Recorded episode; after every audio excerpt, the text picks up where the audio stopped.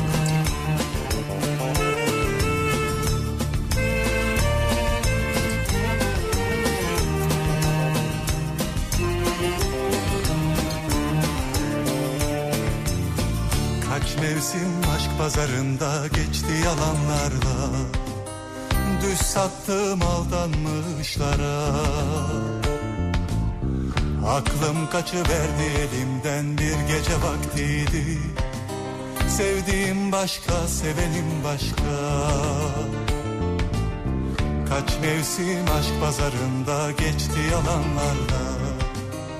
Düz sattım aldanmışlara. Aklım kaçıverdi elimden bir gece vaktiydi. Sevdiğim başka, sevenim başka. Yağmur yağsa Uykum kaçsa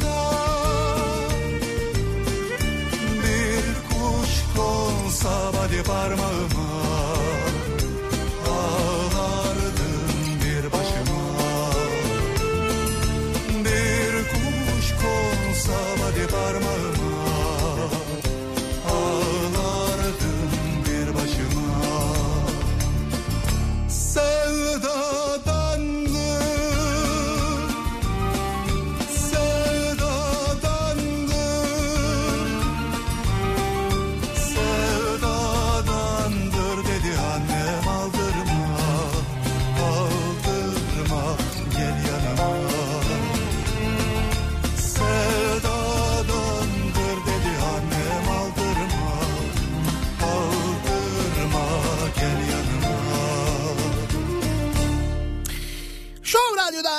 Türkiye'nin Show Radyosu'ndan hepinize günaydın. Yeni günün sabahı, yeni haftanın ve yeni ayın başındayız. Tarih 1 Ekim. Pazartesi gününün sabahı hem yeni haftaya hem de son haftaya başlıyoruz. Show Radyo'da son hafta, son 5 yayın Cuma günü veda ediyoruz. Ondan sonra bir küçük ara veriyoruz. Hayat sürüyor. Tıpkı Turgut Uyar'ın yazdığı gibi Eylül toparlandı gitti işte. Ekim filan da gider bu gidişle. Yine kar yağıyor sokaklara Radiye Basri Tekiner Yol bulamıyorum gencecik bir dinleyicimiz. Bir veteriner. Gönlümün O da gitti. endişesi gözlerin cezası En sevdiği şarkılardan biriyle uğurluyoruz biz de onu. dinlenmiyor şu gönlümün kavuşmak endişesi. Gözlerin cezayir menekşesi. İmdat yine mi yol. İmdat yine mi kar. İmdat yine mi karlardan yollar örtülüyor mi kar imdat yine mi karlardan yollar örtülüyor? Yaptığın cezaya girer senin. Gün olur her alev külledir. Küllenmiyor şu yangının büyüyor. Hayaksi gözlerin cezayir menekşesi Küllenmiyor şu yangının. Büyüyor. Hayaksi gözlerin cezayir. Menekşesi imdat yine mi yol? İmdat yine mi kar? İmdat yine mi karlardan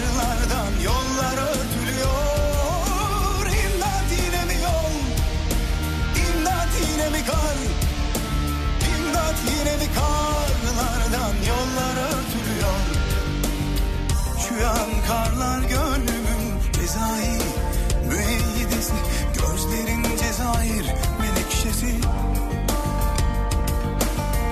Şu an karlar gönlümün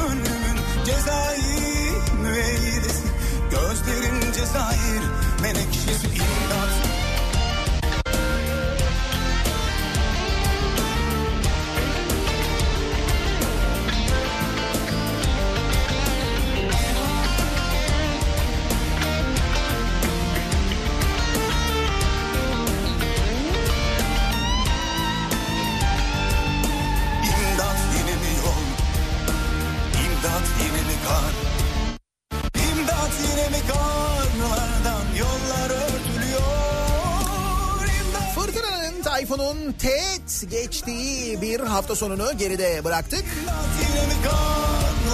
Geçen hafta bir tayfun endişesi nereye etkiler, şurayı mı etkiler, burada mı olur falan derken işte atmosferik olaylar, meteorolojik olaylar bir yandan takip edilesi bir yandan da gerçekten son derece değişken hadiseler bunlar. O nedenle ben zaman zaman söylüyorum aslında hayatımız hep böyle havaya bağlı. Bir de bizim gibi dört mevsimi hadi şimdi artık eskisi kadar dört mevsim olmasa da en azından böyle bir üç, üç buçuk mevsimi yaşayan ülkelerde bu tür bilgileri takip etmek. Ee, örneğin cep telefonlarımızda, akıllı telefonlarımızda tuhaf oyunlar yerine meteoroloji uygulamalarını bulundurarak takip etmek özellikle çok işe yarayabilir. Nitekim yaradı da takip edenler an be an saat be saat fırtınanın ya da işte kasırganın tayfunun şiddetinin nasıl azaldığını yönünü nasıl değiştirdiğini gördüler. Epey bir telaş oldu özellikle Bodrum tarafında Marmaris tarafında, Kaş tarafında. Tam tersine hava gayet e, açık ve güzel geçti. Yağmur haricinde bir şey bırakmadı. Ama işte Kuzey Ege'de mesela yağmurun epey etkili olduğunu gördük. Keza sonra dün mesela Sakarya tarafında Kocaeli'nin e, kuzeyinde hatta İstanbul'da Beykoz'da mesela fena yağmur sel baskınlarına, su taşkınlarına neden oldu. Önlem alanlar dediğimi yapanlar ve takip edenler daha az zarar gördüler. Yine de büyük geçmiş olsun.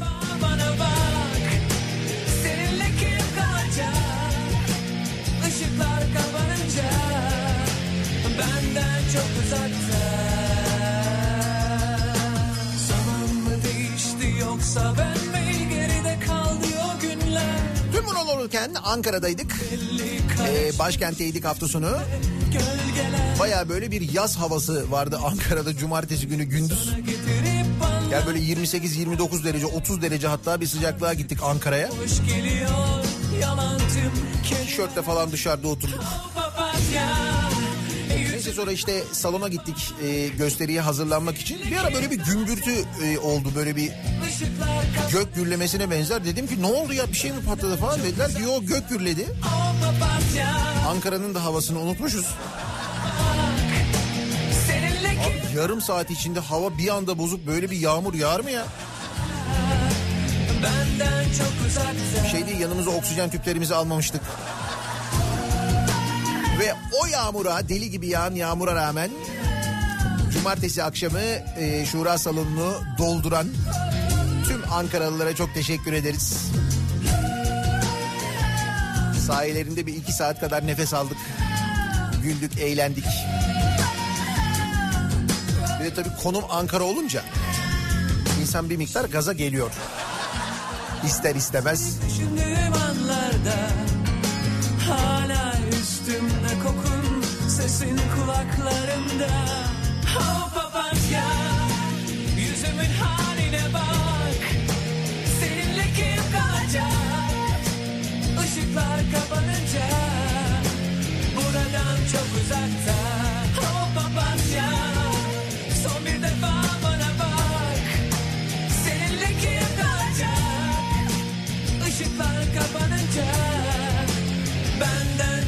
uzakta.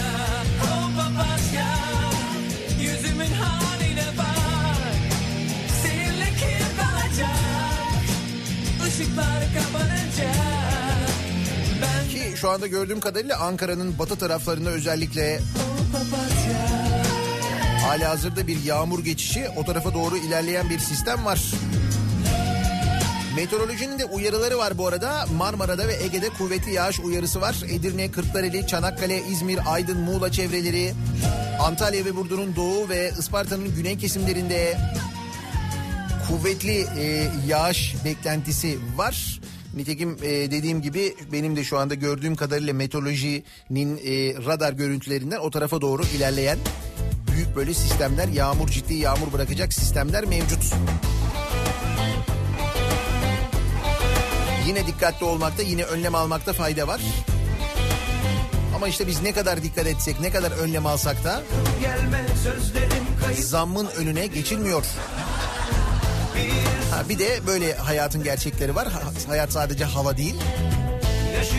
Hayat aynı zamanda biraz da ekonomi değil mi? Böyle zamlar var da e, elektriğe olsun, doğalgaza olsun. E, 1 Ekim. Bugün meclis de açılıyor mesela. Nasıl yeni dizi e, dizilerin böyle sezonları başlıyor, yeni sezonları. Onun gibi düşün meclisin açılmasını da çünkü maalesef bir dizinin yarattığı etkiden daha fazla etkisi olamayacak bir meclis açılıyor. Yetkileri artık tamamen tırpanlanmış. Zaten pek işlevi olmazken artık iyice işlevini yitirmiş bir Türkiye Büyük Millet Meclisi'ne maalesef şahit olacağız. İşte o meclis çalışmalarına bugün itibariyle başlıyor. Yani bugün böyle her yerde yazıyor meclis açılıyor meclis açılıyor falan diye de ben böyle bir McKinsey kadar bir etkisi olacağını sanmıyorum. Acı ama gerçek.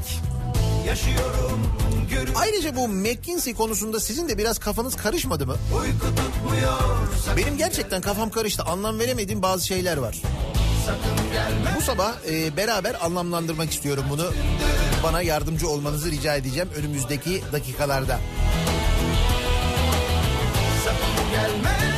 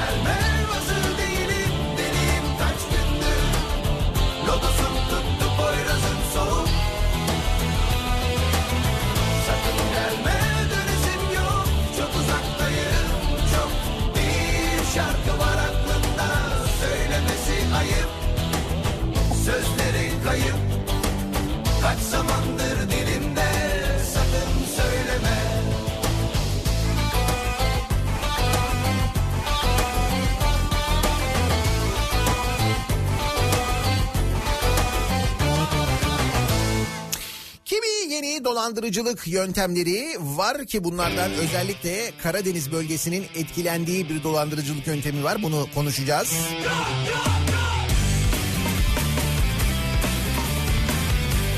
Türkiye'nin en pahalı stadı ki biz onunla ilgili zaman zaman konuştuk. Hatta bizatihi tam onun karşısından yayın yapmışlığım bile var. Şey Bununla ilgili de konuşacağız. Af mevzuyla ilgili ortam giderek ısınıyor ve sertleşiyor aynı zamanda. Af teklifini eleştirenlere Devlet Bahçeli'nin eleştirileri var. Utanmaz gerzekler diyor. O gerzeklerden biri olarak konuyla konuyla ilgili söyleyeceklerim var. Çünkü bu aftan kimden faydalanacak bu yavaş yavaş anlaşılıyor ortaya çıkıyor. Bir Almanya çıkarması yaptık. Bu Almanya çıkarmasının değerlendirmesiyle ilgili sanki ufak bir problem var gibi. Bizim gazetelerde başka bir şey yazıyor. Alman gazetelerinde başka bir şey yazıyor çünkü. İlginç yani. Hayır Almanca bildiğimden değil de yani Alman gazetelerinde yazılanları okuyorum. Orada olanları konuşulanları okuyorum. Ben bizimkileri okuyorum. Yani gerçekten ya mesela e, Almanca hiç bilmeye, bilmiyorlar. Tam, tam çevirmiyorlar, çeviremiyorlar ya da onlara verilen bilgi mi yanlış nedir?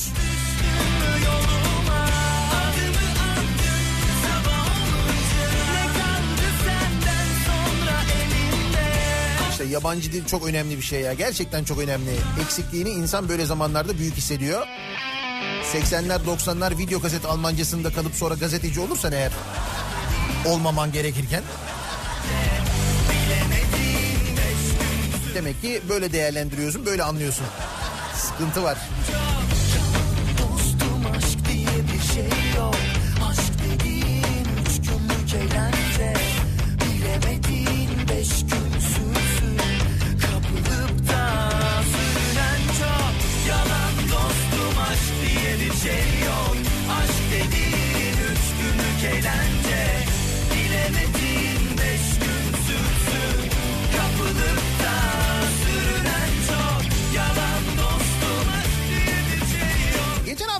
önemli gündem konularından bir tanesiydi değil mi? 2024'ü alamamamız. Üzerine tuz da serptiğimiz halde mevzunun bayağı böyle bir kokması. Değil mi? Konuyla ilgili Cumhurbaşkanı demiş ki masraftan kurtulmuş olduk demiş. Ben demiştim değil mi bu kadar hani böyle bir krizin içindeyken bu masrafa niye böyle koşa koşa gidiyoruz diye. Ya gördün mü masraftan kurtulmuş olmuşuz. Halbuki öyle çok da masrafı olan bir ülke değiliz biz ama yani enteresan. Nasıl bir masraf bak dur birazdan konuşacağız.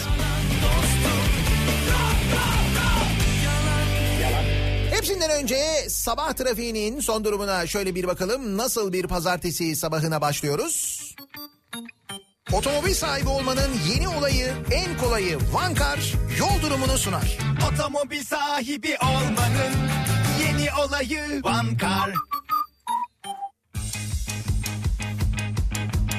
İki köprüde de özellikle ikinci köprüde yoğun bir trafik var. Anadolu'dan Avrupa'ya geçişte şu anda Koz yatağına ulaşmış vaziyette. ikinci köprünün trafiği buradan Kavacık'a kadar kesintisiz devam eden bir yoğunluk hakim. Birinci köprüde ise Uzunçayır sonrasına başlıyor yoğunluk. İkiye göre daha ağır ilerliyor diyebiliriz. E, Altunizade'ye geçene kadar Beylerbeyi tarafından çıkış trafiği epey bir yoğunlaşmış vaziyette. Tünel girişi sakin çok ciddi bir yoğunluk yok.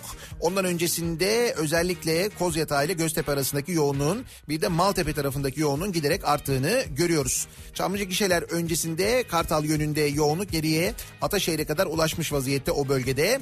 Avrupa yakasında Tem'de Bahçeşehir tarafı trafiği başlamış. Altınşehir'e kadar sürüyor bu yoğunluk. Altınşehir sonrasında hareketleniyor. Gazi Mahallesi civarındaki yoğunluk Seyrantepe yönünde giderek artıyor. Bu arada İstoç'ta ters yönde Mahmut Bey yönünde de bir miktar yoğunluk olduğunu görüyoruz. E5'i kullanacak olanlar içinse Beylikdüzü inişiyle birlikte başlayan ve kesintisiz küçük çekmeceye kadar devam eden bir yoğunluk var. Küçük çekmece sonrasında hareketlenen trafik Çoban Çeşme'de yeniden duruyor. Ee, burada trafiğin bu kadar yoğun olmasının sebebi ise İncirli Merter yönünde meydana gelen bir trafik kazası. Kaza kaldırıldı ancak geriye doğru yoğunluk e, epey bir fazla ve Çoban Çeşme'den itibaren de bu yoğunluk hissediliyor. O noktayı geçtikten sonra E5 trafiği gayet açık. Sahil yolunda bir problem yaşanmıyor sevgili dinleyiciler. Bir ara verelim. Reklamların ardından yeniden buradayız. Show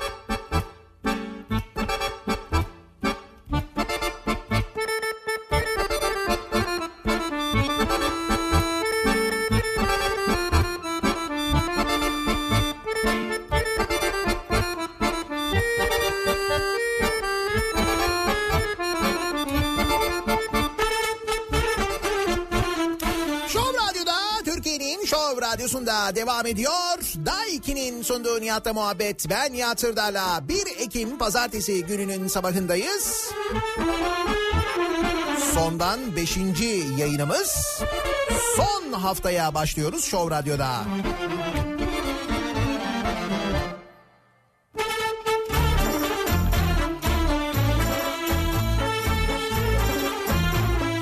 Nereyle başlayalım? Pek istemesek de Rize dolaylarıyla başlayabiliriz. Dün akşamdan sonra evet biraz biraz bir canımız sıkkın da. Tamam diyorum ki ben bu sezon bir şey beklemiyorum. Gerçekten bir beklentim yok. Biliyorum e, bir sistemin tamamen değişmesi falan çok zaman alacak evet. Ama arkadaş bu kadar da olmaz ya. Yani işin gerçekten kokusu çıktı. Ama sadece kokuyla alakalı bir mevzu da değil yani. Neyse bu çok derin bir mevzu. Dalarsak eğer çok dalacağız. Karadeniz olaylarından bir haberle başlayalım. Batum'a giden Türkleri dolandırıyorlar. Peki dolandıranlar kim? Batum'a giden Türkleri dolandıranlar şimdi düşününce herhalde Gürcü, Gürcüler diye düşünüyorsun değil mi? Okuyalım. Karadeniz'in eğlence merkezi haline gelen Türkiye sınırındaki Gürcistan'ın Batum kentinde Türklere eğlence tuzağı kuruluyor. Yollarda otostop çeken kadınları araçlarına alan Türkler çay ısmarlama bahanesiyle Bak Karadeniz ya ortak dil çay. Yani Gürcistan'da olsa mesela hani Türkiye'de olsa çay ortak dil, ortak kültür falan. Çay ısmarlama mahallesiyle kentteki arka sokaklarda yer alan eğlence merkezlerine götürülüyor. Donatılan masalardan bir süre sonra kalkan kadınlar kayıplara karışıyor. Türk vatandaşlarsa gelen 40 bin lirayı bulan yüksek hesaplarla karşı karşıya kalıyor. Gürcistan'da açılan Sarp sınır kapısından yıllık karşılıklı geçiş rakamı birkaç milyonken bu rakam yakın zamanda 8 milyonu aşmış.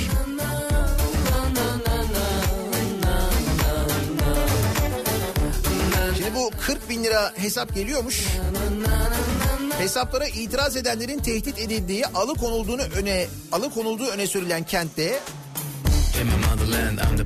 kimi kavgaya karışıyor, çıkan olaylar sonrası gözaltına alınarak tutuklanıyor. Türklerin artan şikayeti üzerine Gürcistan İçişleri Bakanlığı harekete geçmiş. Denetimlerde tuzakların kurulduğu, işletmelerin sahibinin ya da bir ortağının Türk olduğu belirlenmiş. yani Gürcistan'ın Batum kentinde Türklere tuzak kuranlar Türkler. Gördüğünüz gibi yeni bir ihracat hamlesiyle karşı karşıyayız.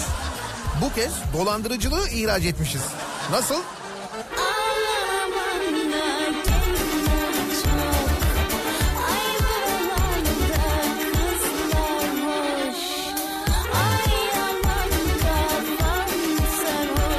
Üstelik dolandırıcılık ihracında sınır da tanımıyoruz. Gürcistan'da olabiliyor bu. Suudi Arabistan'da olabiliyor. Sahte belge hacıları. Sahte belge hacıları. Bir de işin içinde hac var. Kaçak bir acentenin sahte belgeyle ticari vize alarak hacca götürdüğü 20 Türk vatandaşının Suudi Arabistan'dan ayrılmasına izin verilmediği ortaya çıktı. Hacın da sahtesini yapmışlar. Nasıl? E ne var zaten zemzem suyunun sahtesini satıyorlar. İşi biraz daha büyütmüşüz demek. Onun sahtesi oluyorsa bu niye olmasın? TÜRSAV'a kayıtlı olmayan bir acente Suudi Arabistan'daki Nasco isimli firmanın davetiyelerini usulsüz biçimde çoğaltarak yaklaşık 120 hacı adayını kuraya sokmadan kutsal topraklara gönderdi. Bizden bir firma yapıyor bunu yani. Kuraya sor. Biz bu kuraya girmeden nasıl gidiyoruz diye de soran yok. Güzel. Ancak Nasco firması kendi gönderdiğinden daha fazla davetiyenin olduğunu anlayınca skandal ortaya çıktı. Usulsüzlük fark edildiğinde bazı kişiler ülkeyi terk etmişti ancak henüz ülkeden çıkış yapmayan Türk vatandaşları Suudi Arabistan'da alıkonuldu. TÜRSAP demiş ki ticari vizeyle hacca gitmek yasak. Kaç kişi ülkede tutuluyor tam olarak bilmiyoruz demiş. İhracatın büyüklüğünü de bilmiyoruz yani. Bu da kötü. Hayır rakamlara yansırdı belki oran artardı.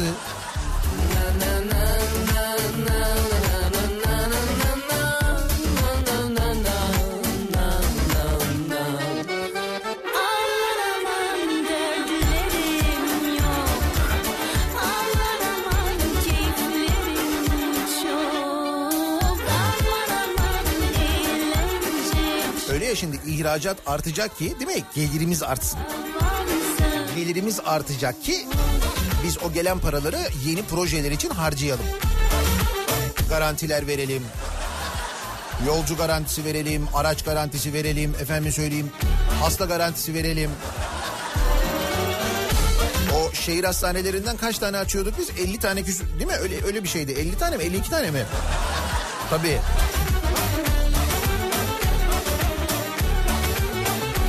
Yeni havalimanına en pahalı ulaşım Pendik'ten en ucuz Arnavutköy'den yeni havalimanına ulaşım e, metro ile olması gerekiyor ancak metro yok biliyorsunuz.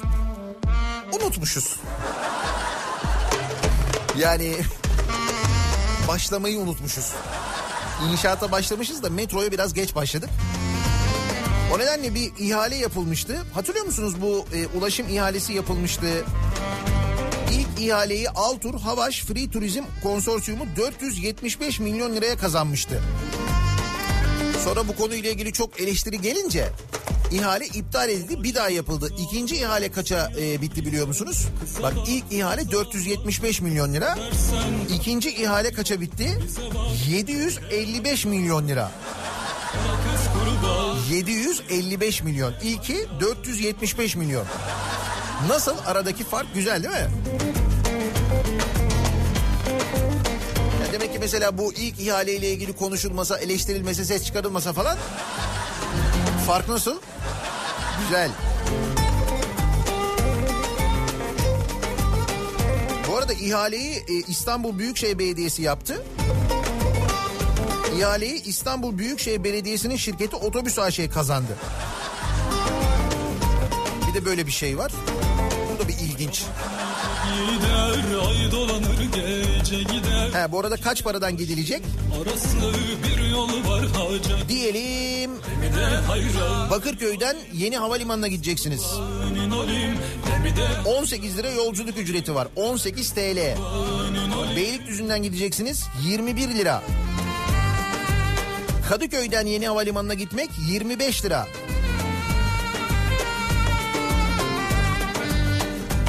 Hacı Osman'dan 16 lira. Sarıyer'den 16 lira. Yeni Kapı'dan Sirkeci tarafından gitmek 18 lira olacakmış.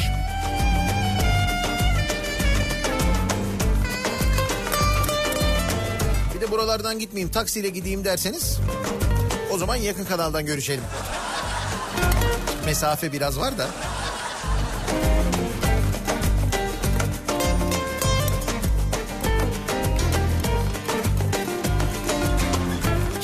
Hala net e, bir açıklama yok. Ama açıklayacaklar. Şöyle 29 Ekim'de bir sembolik açılış yapılacak. O sembolik açılış sonrası belki 2-3 tane uçuş gerçekleşecek oradan ama bir kere yılbaşına kadar kesinlikle Atatürk Havalimanı e, faaliyetine devam edecek açık kalacak. Yılbaşından sonra e, tamamen taşınma işleminin gerçekleşeceği iddia ediliyor. Ki yılbaşına da yetişmeyeceğini herkes söylüyor. Havacılık sektöründeki herkes biliyor, konuşuyor. Hakikaten bu kadar herkes biliyor, konuşuyor. Herkes ama yani. Yani Türk Hava Yolları yetkilisinden diğer hava yolu şirketlerine, kargocusundan, osuna busuna herkes biliyor bunu. Orada Atatürk Havalimanı'nda mağazalar var mesela. O mağazalar normalde kapanacaklardı. Onlar kapanmıyorlar, uzatmış durumdalar. Çalışmalarını yılbaşına kadar onları da biliyorum. Bunu kimse yazmıyor ya. Yani ya bir, hiç böyle bir şey yok. Net bir haberi yok değil mi? 29 Ekim'de tam açamayınca herhalde belli olacak.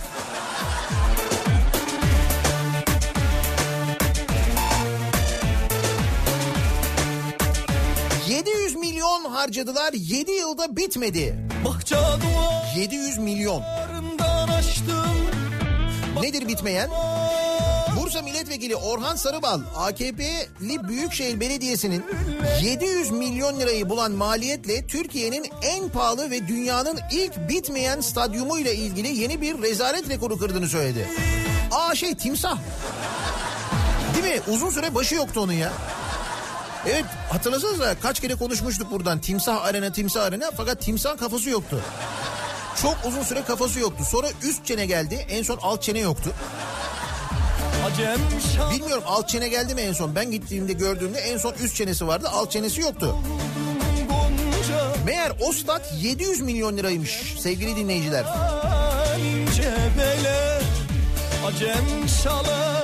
7 yılı geride kalmasına rağmen bitiremeyen stadyum için Guinness Rekorlar kitabına başvuralım diye öneride bulunmuşlar. 1 Haziran 2011 tarihinde temeli atılan Timsah Arena'nın tam anlamıyla ne zaman tamamlanacağı da henüz bilinmiyor.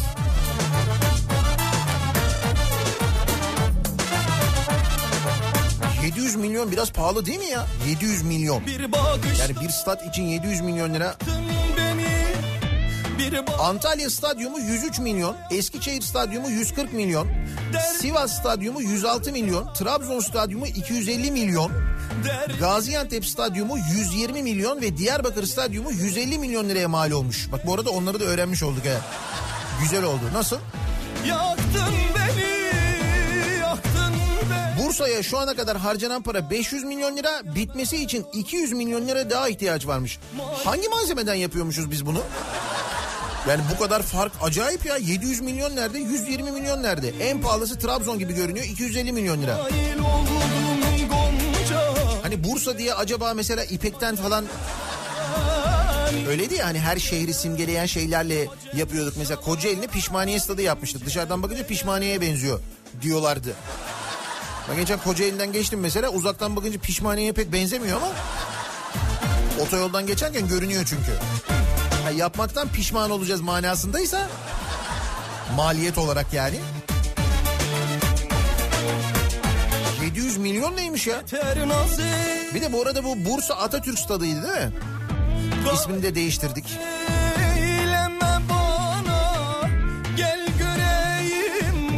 Büyükşehir Timsah Arena'ymış şu andaki ismi. Çok daha anlamlı. Gerçekten bir de harcanan parayı düşününce hakikaten canım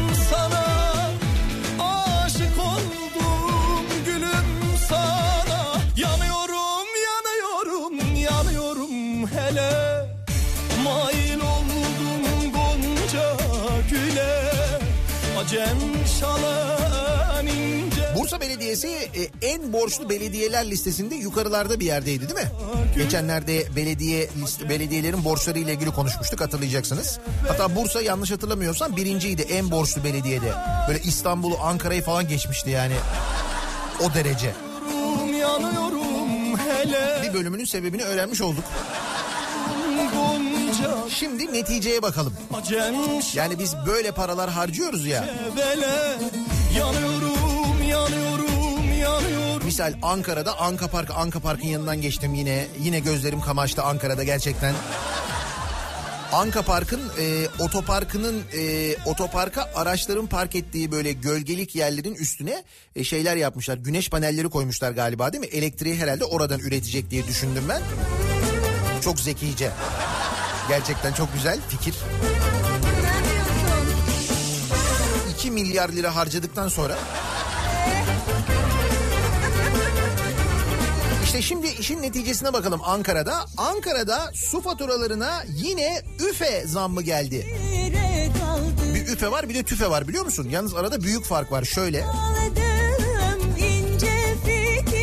Ekonomideki bozulmayla birlikte yurt içi üretici fiyat endeksi yani üfe tüketici fiyat endeksinin yani tüfenin neredeyse iki katına ulaştı. TÜİK'in açıkladığı verilere göre Ağustos ayında üfe Temmuz'da yüzde Temmuz'a göre yüzde 6.6 bir önceki yılın aynı ayına göre yüzde 32 arttı üfe yüzde 32. Haber ver ona TÜFE ise Ağustos'ta aylık yüzde 2.30 bir önceki yılın aynı ayına göre yüzde 17.90 yükseldi. Durum böyle olunca hükümet başta kira sözleşmeleri olmak üzere fiyat artışlarını üfeden tüfeğe çeviren kararname yayınladı. Dedik yani üfe yapmayın çok ol- olacak o zaman artış tüfe üzerinden artış yapılsın dedi.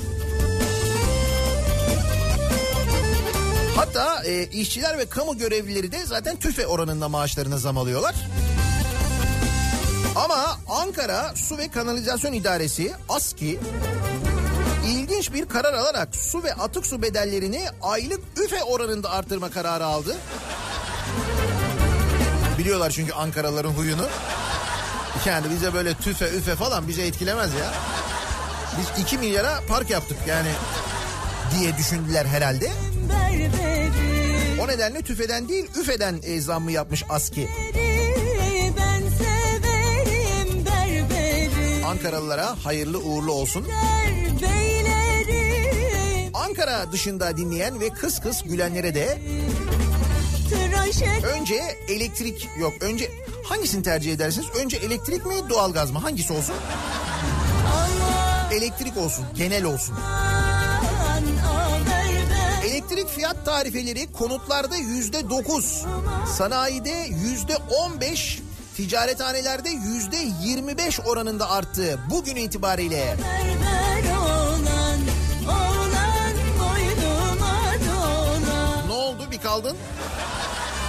Ankara diyordun gülüyordun. Hele İstanbul'daysan bence hiç. İlktaş'ın yeni perakende satış tarifesi de yürürlüğe girdi. Bugünden itibaren Bugünden 1 Ekim'den itibaren geçerli fiyatlara göre İstanbul'da satılan doğalgazın perakende metreküp satış fiyatı yüzde 20.6 oranında arttı. Nasıl zamanlama? Kapat kapat kombiyi kapat. Kapat. Yüzde 20.6 diyorum doğalgaza zam diyorum bugünden itibaren diyorum. Aman İstanbul diyorum.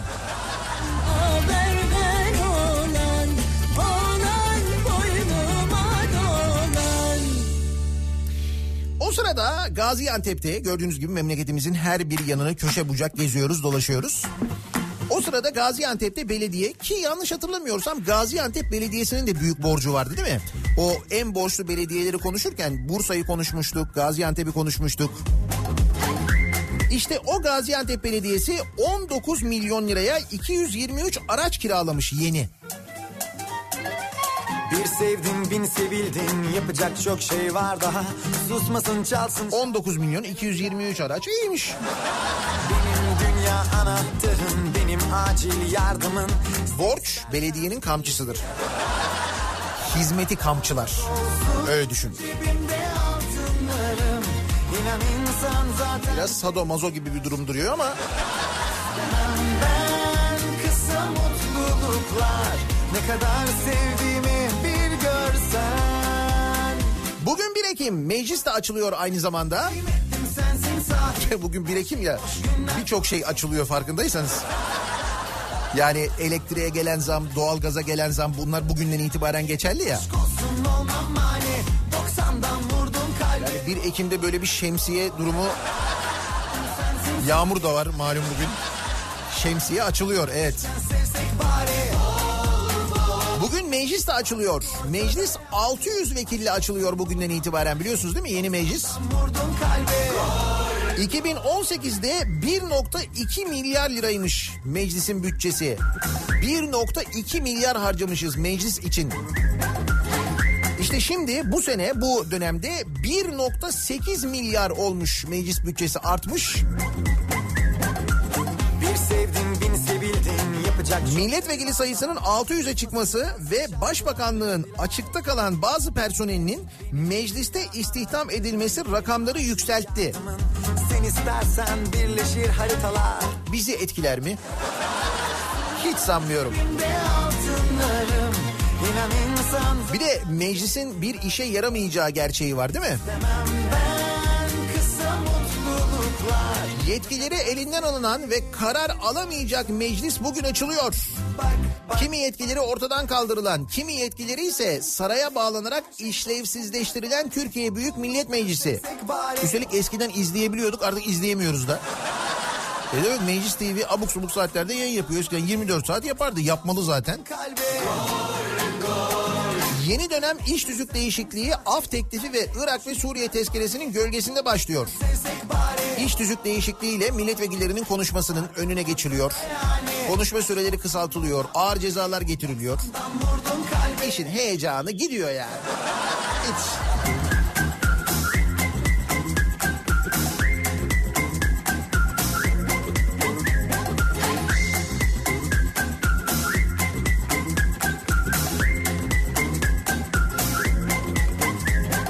Bir de yerel seçim telaşı var. Onun hazırlıkları ufak ufak gidiyor. MHP'den adaylara iktidarı eleştirirken ölçüyü kaçırmayın uyarısı gitmiş. Bak aday el kitapçığı hazırlayan MHP'den yerel seçimde aday olacaklara tavsiyeler. Tıraş olun, gülümseyin, hükümeti yerin yerin ama ölçüyü kaçırmayın. Neticede şeyiz yani. Neyiz? Kankayız. Öyle diyelim. Şimdi eleştirirken ölçüyü kaçırmayın diyorlar da e, MHP'nin af, tek- e, af teklifini eleştirenlere Yüzüne gözüne kaşına sözüne kandım o Devlet Bahçeli eleştiriyi biraz kaçırmış galiba. Evimi yolumu MHP lideri Devlet Bahçeli getirdikleri af teklifini eleştirenlere sert yanıt verdi. Onu diyenler utanmaz gerzekler demiş. MHP'nin af teklifini eleştiren gerzeklerin söylediği e, dikkat çektiği ki o gerzekler dediği hukukçular genelde. Diyorlar ki hukukçular bu af teklifi böyle kalmaz. Bu muhakkak genişler. Anayasa Mahkemesi'ne başvurulur. Geçmişte de böyle oldu. Kaldı ki şu haliyle bile kimler çıkıyor biliyor musunuz? MHP'nin af teklifiyle.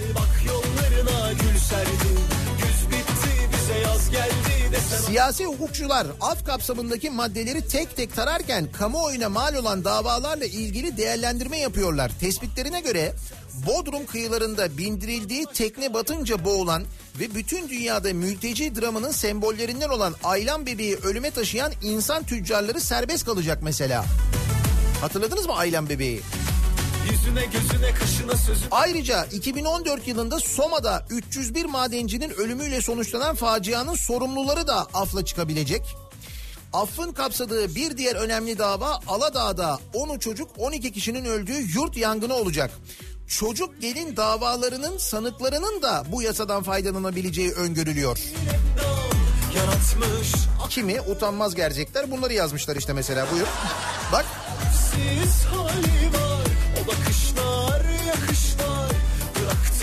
hiçbiri Devlet Bey kadar öngörülü olamadığı için eleştirmişler. Neydi? Ee, utanmaz gerzekler. Devlet Bahçeli'nin lafı o yüzden söylüyorum. geldi desen aşk kollarını her şeyden çok sevdim Ah bir görsen sen de sevsen bundan başka yok derdim Almanya'ya ne dedik? Ne dedik Almanya'ya? Almanlara göre Almanlar çüz demiş. Biz ihlibedik demişiz. Bir karışıklık var ortada yalnız ya gerçekten. Bizim gazetelere bakıyorsun vuu süper geçmiş Almanya. Almanya'daki gazetelere bakıyorsun bir de bütün gazetelere bakıyorsun yani. Sen ne güzel görsen ne güzel Bizdeki gibi böyle bir yandaş durumu yok ya. Gazetelerde. Yani böyle iki tarafa da bakayım gibi bir şey yok yani o açıdan söylüyorum. Bizdeki gibi değil en azından. Seni her şeyden çok sevdim sıkıntı var yani. Yandaşlar yeni dönem Alman basının normalleşme yok dedi. Erdoğan'ın Almanya ziyareti Türkiye'deki yandaş basında yeni dönem olarak yorumlanırken şimdi burada yalnız yorumlanırken derken bizim yandaş basın kendi kendine yorum yapabiliyor mu? Yorumlattırılırken. Lan bazı günler hepsi aynı manşetle çıkıyor ya. Hani bari manşeti değiştir değil mi? Hiç o bile değil yani. Bizde çünkü öyle düşünülmesi isteniyor. Onu anladık. Yani öyle bir durum var yani. Bizde yeni dönem şöyle başarılı geçti. Artık uuu bir göreceksin bak neler olacak. Euro yağacak falan. Alman basını ise normalleşme yok dedi. Sabah gazetesi sıcak karşılaşma, güçlü işbirliği, yeni şafak, atacağımız çok adım var. Güneş, Avrupa ile yeni dönem. Star, Almanya ile yeni dönem. Evet. Frankfurter Allgemeine Zeitung, normalleşme yok. Erdoğan demokratik Avrupa'dan ne kadar uzak olduğunu gösterdi. Suya giden kıza bak kız Allah'ın Rhein Zeitung, Erdoğan'a hiçbir şeyin yolunda olmadığı mesajı verildi. buluttan Alman basınına bak sen. biridir kalkın gidin evlilik Bir problem var galiba değil mi? Levide hayra olayım kara kız kurba olayım olayım Peki çok uzağa gitmeye, hafızayı çok zorlamaya gerek yok ama benim gerçekten anlam veremediğim bir mevzu var. Bu konuda yardımınızı isteyeceğim. Biz bundan bir ay kadar falan önce işte böyle bu euro, dolar falan böyle acayip yükseldiğinde, Türk lirası değer kaybettiğinde aslında onlar böyle bütün dünyada yükselmiyordu. Sadece e, dolar sadece euro değil, Japon yeni de yükseldi. Diğer dünya paraları yükseldi. Ya diyorum işte bir en basitinden gidin Bulgar parası yükseldi. Bosna'nın parası Türkiye'ye göre değer kazandı. Eskiden aa ne kadar ucuz dediğimiz yerler epey pahalı hale geldi. Yani birebir yaşadığınız zaman daha da net anlıyorsunuz da. Neyse biz bu mevzunun e, Amerika tarafından bize çekilen bir operasyon olduğunu, bir ekonomi operasyonu olduğunu, bunun bir rahip yüzünden olduğunu falan söyleyip Amerikan malı telefonların üzerinde tepememiş miydik ya? He? Kırdık telefonları. Yakan oldu, kıran oldu, üstünde tepinen oldu, üstüne basıp kayıp düşen oldu. Cam kısmına bastı çünkü yazık yani. Öyle şeyler yaptık biz değil mi? Dedik ki Amerika bize operasyon çekiyor dedik. Peki şimdi e, bu Amerikan şirketini dümene oturtma işi ne oluyor? Hayır Amerika bize ekonomi operasyonu çekiyor ve biz bir Amerika ekonomi şirketiyle gidiyoruz. Hayır, bende mi bir tuhaflık var yoksa bekar Yenidir Levide hayra Hazine ve Maliye Bakanı Albayrak 16 bakanlığın temsilcilerinin görev yapacağı Maliyet ve Dönüşüm Ofisi'nin Amerikalı uluslararası yönetim şirketi McKinsey ile çalışacağını açıkladı. Hükümetin ülkenin kaybolan itibarı nedeniyle çeşitli ekonomik kaygılarının olduğunu dile getiren Profesör Doktor Karatepe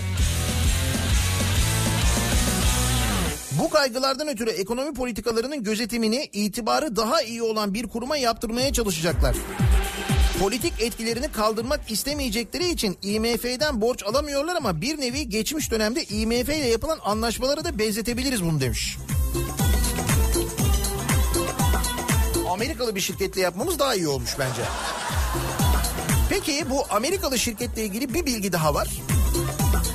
Merkezi New York'ta olan danışmanlık şirketi McKinsey'nin Ankara ofisinin yönetici yönetici ortağı olan Ali Üstün İçişleri eski bakanı Beşir Atalay'ın damadı çıkmış. Tanıdık şirket. Hazine Bakanlığı'nın 16 bakanlığın temsilcisinin yer alacağı kamu maliyesi dönüşüm ofisi için Maliyet dönüşüm ofisi değil bak. Kamu maliyesi dönüşüm ofisi. Kamu maliyesi ne demek? Maliyetle maliye arasında epey bir fark var da o yüzden söylüyorum. Kamu maliyesi dönüşüm ofisi için Amerikalı McKinsey şirketiyle çalışma kararı alması tartışılıyor. Şirketin 44 ülkede ofisi var. Türkiye'deki yönetici ortağı ise iş adamı Bilal İbrahim Üstün'ün oğlu Ali Üstün. Ali Üstün önceki yıllarda İçişleri Bakanlığı, Devlet Bakanlığı ve Başbakan Yardımcılığı gibi görevlerde bulunan Beşir Atalay'ın kızı Zeynep'le evli. 2008'deki nikahına dönemin Cumhurbaşkanı ve Başbakanı da dahil pek çok AKP'li yönetici katılmış.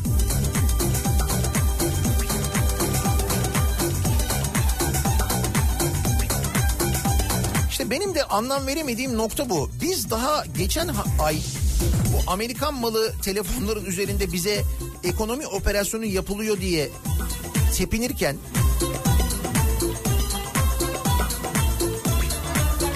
ya kırdığımız telefonların cam parçaları daha yerden kalkmamışken servise götürsek acaba kurtarır mıyız diye böyle kendi kendimize düşünürken Amerikan şirketinden ekonomi yönetimi konusunda böyle yardım alacağımızı ki bu arada yardım derken parasıyla alacağız onu biliyorsun bir de oraya para ödeyeceğiz. Halbuki bizim kendi bu işleri denetleyecek olan Sayıştay diye bir kurumumuz var. Yani yerli ve milli hani.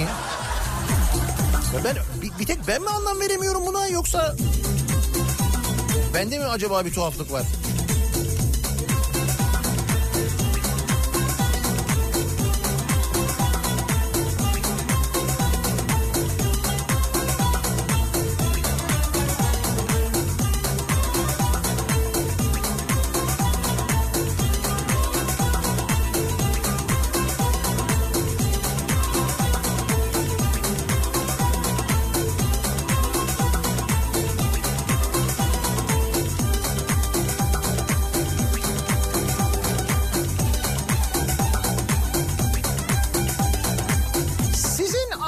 Veremiyorum dediğiniz bir şeyler var mı acaba diye bu sabah dinleyicilerimize soruyoruz.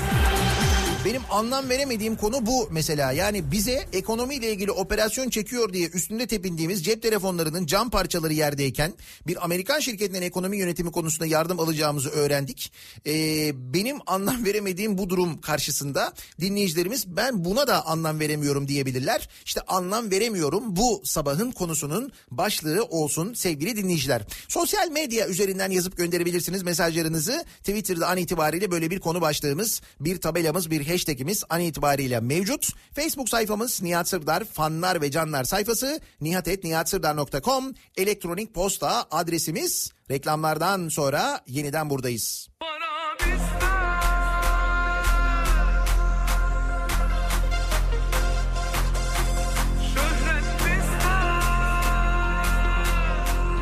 Show Radyo'da Türkiye'nin Show Radyosu'nda.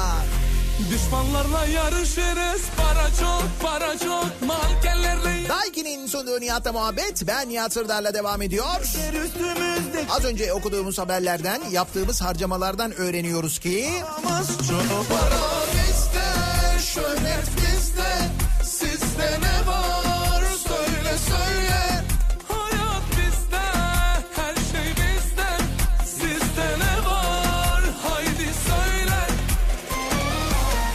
Timsah Arena'ya 700 milyon lira harcanmış. 500 harcanmış 200 de harcanacakmış. Bu arada az önce fotoğraf geldi alt çene hala yok. Demek ki timsahın alt çenesi ne paraysa dişlerden herhalde. Para çok para Lan acaba timsah derisinden yapıyor musunlar onu? Yoksa o kadar paraya mesela 700 milyon lira neymiş ya bir stat için? Bir malzemede bir problem var bence. Malzeme pahalı herhalde. çok para Koltuklar mesela timsah derisiyle kaplama olabilir mi? Bilmiyorum gitmedim. Acaba? Şey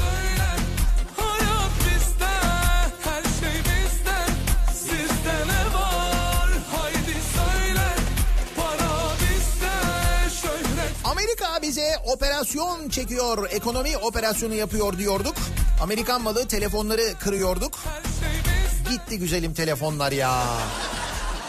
Şimdi Amerika Amerikalı şirket McKinsey'den ekonomi yönetimi konusunda yardım alıyoruz parasıyla bu arada tabii para ödüyoruz. Şimdi ben bu duruma anlam veremiyorum. Bir problem var herhalde. Sizin anlam veremediğiniz bir şey var mı diye biz de bu sabah dinleyicilerimize soruyoruz. Konu başlığımız bu. Anlam veremiyorum. Mutlaka vardır aklınıza takılan bir şey. Almanya'da dinleyen dinleyicilerimizden mesajlar geliyor bu arada. Demin dedim ya e, bizdeki basın başka bir şey yazıyor. Alman basını başka bir şey yazıyor. Benim takip ettiğim kadarıyla diyordum. Dedim Almanya'da çıkan gazeteleri okumuşlar. Dün Alman Bild'de ilişkilerle ilgili Türk medyasındaki olumlu değerlendirmelerin ne alakası var diye bir haber vardı diyor mesela. Almanya'dan bir dinleyicimiz. Yeni Şafak gazetesinin manşet haberi varmış. Görüşmeyle ilgili böyle yazıyor Türk basını demişler. Bir de dalga geçmişler üstüne bizimle. ha? Halbuki bizdeki hava virli bedik. Yani seviyoruz canım.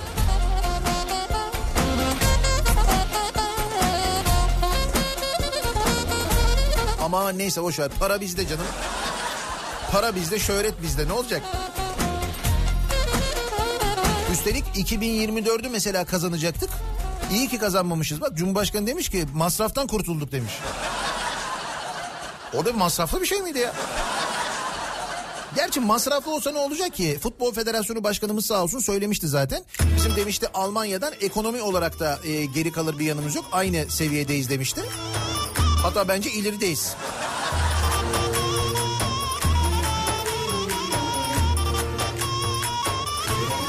Bir yerde bir düğünde falan ork nazmiler çaldıktan sonra bence bundan sonra bu çalar söyleyeyim. Tarık Mengüç, Yıldız Tilbe. Bu arada konuyla ilgisi yok e, şarkının. Şarkının ismi İki Yüzlüler.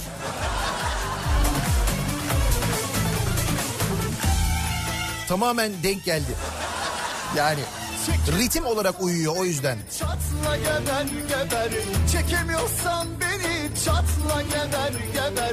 Seni be fena yaratık Fesatlığın yeter. Yedin etlerini Hasretliğin yeter. Çekemiyorsan beni çatma geber geber. Çekemiyorsan beni çatla geber diyor bak. Ekonomik sıkıntılar gün gibi aşi, aşikarken itibar amaçlı harcamalara anlam veremiyorum diyor Banu. Nasıl bir harcama? Fenalığa Mesela uçağa falan kastediyorsunuz ona para vermedik. Ayrıca suyla uçacak zaten bundan sonra o. Sisteminde yaptığımız küçük bir değişiklikle yakıtına da para ödemiyoruz onun. Arkamdan konuşmayın iki yüzlüler. İki yüzlüler iki yüzlüler. Arkamdan konuşmayın iki yüzlüler. Hadi! Bu meranklara anlam veremiyorum diyor Gonca. Egemen Bağış demiş ki Türkiye'nin yükselmesini hazmedemeyen çevreler yine bir hamle yaptılar. demiş. Allah aşkına dur zaten ortalık karışık ya. Hangi çevreler yapmış? ya? Biz hangi mesela Amerikalı çevreler yapmış olamazlar. Şimdi onlarla anlaşıyoruz. Almanya desen ey Almanya hayır öyle bir şey yok. Kim bunlar şimdi?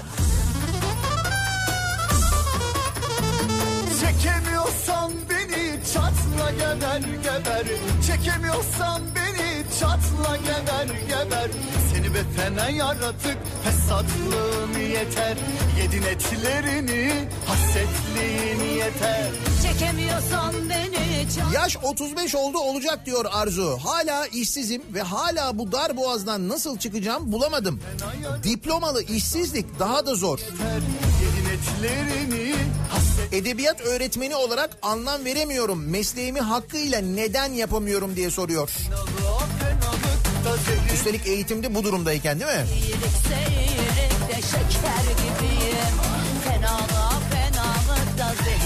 Kriz var diyenlere anlam veremiyorum. Halbuki para bizde. Psikolojilerine bir baktırsınlar bence diyor Şenol. Ben de onu dedim. Demek ki dedim bizde bir problem var herhalde. Ben şu Amerika mevzunu hala anlamadım bak mesela. Hala bir problem var. Bence. Ne oldu be güzelim Beni görünce yüzüne ekşittin Ne oldu? Bu da eğlenceliymiş bak. Bu da düğünde müğünde falan çalar. Faiz yükseltildi. Etkisi 3 gün sürdü. Mesele rahipte değilmiş gibi görülüyor. Dış güçlerse eğer Amerika ile Almanya ile yaşananlar da ortada.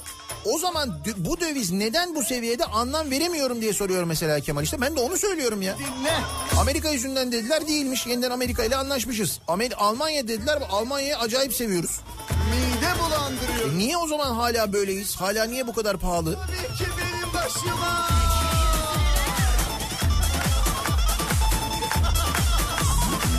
Bu kadar tasarrufa anlam veremiyorum.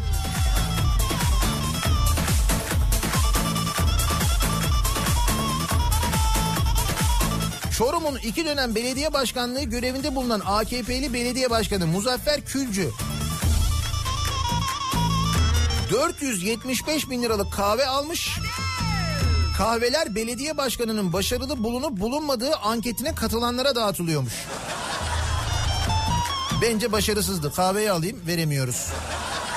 Şimdi bitti.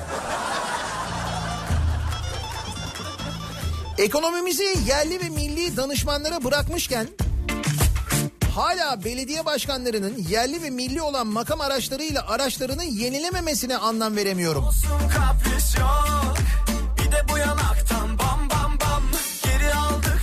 Bugünden itibaren İstanbul'da doğalgaza yüzde 20.6 zam var. Elektrik yüzde 9. O ülke genelinde yalnız. olurum O yüzden bir de bu yanaktan bam bam bam çalıyorum. Şarkıdan da anlamışsınızdır herhalde bir şey oldum da o yüzden söyledim. Yakışır bir gözyaşın geçersin enleri Yarısı hazırlatır bütün dikenleri Yakışır bir gözyaşın geçersin enleri Yanına yanına al beni yanına. Yakışırız ama çok çok. Yanına yanına al beni yanına. Yakışırız ama çok Ülkemde diyorum daha kötüsü olamaz diyorum oluyor. Fenerbahçe'de diyorum daha kötüsü olamaz diyorum oluyor. Markette, pazarda, kasapta daha kötüsü olamaz diyorum oluyor. Anlam veremiyorum. Bende mi bir şey var? Psikolojim bozuk herhalde diyor Semih. Bir de bu yanaktan bam bam bam Geri aldık baştan Kendi kendimize teşhis de koyabiliyoruz artık. Epey iyi olduk bu konuda. Profesyonelleştik yani. Trump'la kim birbirine aşık olmuş? Anlam veremiyorum diyecektim ama en büyük aşklar nefretle başlıyordu değil mi? Donald Trump böyle demiş. Kimle birbirimize aşık olduk demiş. Yarısı hatırlatır aşk mevzunu bir yerden hatırlıyorum ya işte böyle yine biri, birileri birilerine aşık olmuştu bir şey olmuştu. Amerika Başkanı Donald Trump'la Kuzey Kore lideri Kim Jong-un arasında karşılıklı hakaretlerle başlayan ilişki aşka dönüştü. Trump o bana güzel mektuplar yazdı. Harikalardı. Biz aşık olduk dedi. Çok çok Tam da bunu şeyde dedi değil mi? Böyle Amerika e, Trump'ın anayasa ile ilgili Amerika anayasası ile ilgili yaptıkları ve bununla ilgili yargılanma ihtimalinin falan konuşulduğu günlerde bu açıklamayı yaptı değil mi Trump? Size bir yerden tanıdık geliyor mu bu gündem değiştirme olayı? Bana bir yerden tanıdık geliyor ama herhalde seyrettiğim bir dizide falan vardı böyle bir şey. Dur bakalım hatırlarım. Yakışırız ama çok çok. Yanına yanına. Al beni yanına. Yakışırız ama çok çok. Yanına yanına. Al beni yanına. Yakışırız ama çok çok. Yanına yanına. Al beni yanına. Yakışırız ama çok çok. Çok çok. Burhan Kuzu Bey neden bakan olamadı? Anlam veremiyorum diyor. Mert göndermiş. Bu kadar borcumuz varken, ülke krizdeyken, euro 7 lirayken Euro 2024 için 50 milyar euro ulaşım yatırımı sözünü hangi kafayla verebiliyoruz anlam veremiyorum. E ne işte söyledim para bizde. Ayrıca Euro 2024 almadığımız için gerek kalmadı artık masraftan kurtulduk. Öyle olmadı mı? Öyle oldu zaten.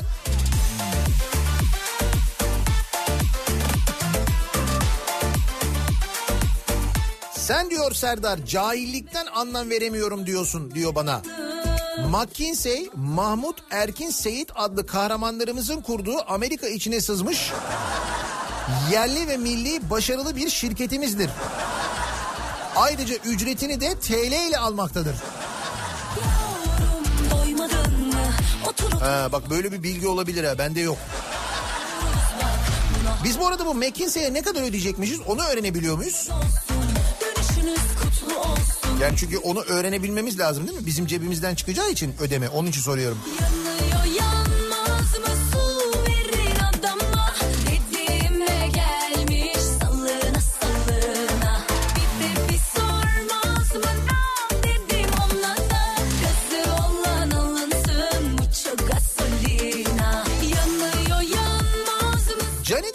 bu performansına anlam veremiyorum.